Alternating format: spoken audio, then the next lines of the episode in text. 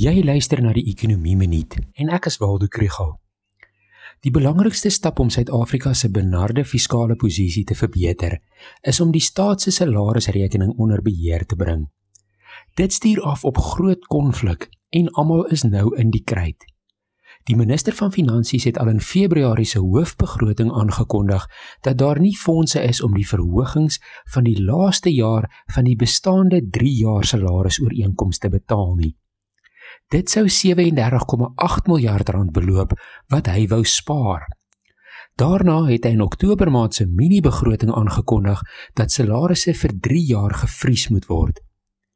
Nou neem die regering vroeg in Desember hof toe oor die verbreeking van die ooreenkoms en daardie verhogings.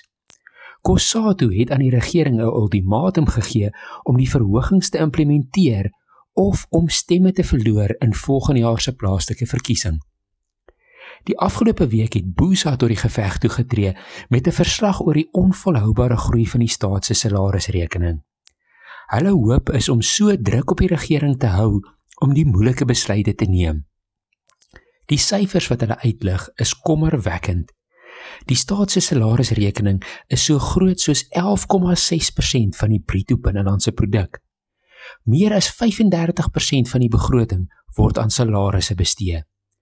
Tussen 2006 en 2018 het die salarisrekening gegroei vanaf 154 miljard rand na 518 miljard rand. Dit is nog nie duidelik dat almal die erns van die probleem verstaan nie. Parlementariërs het die partye aangemoedig om mekaar te probeer vind oor die verhogings. Maar in hierdie geval is daar dalk nie middelgrond nie, net 'n fiskale afgrond.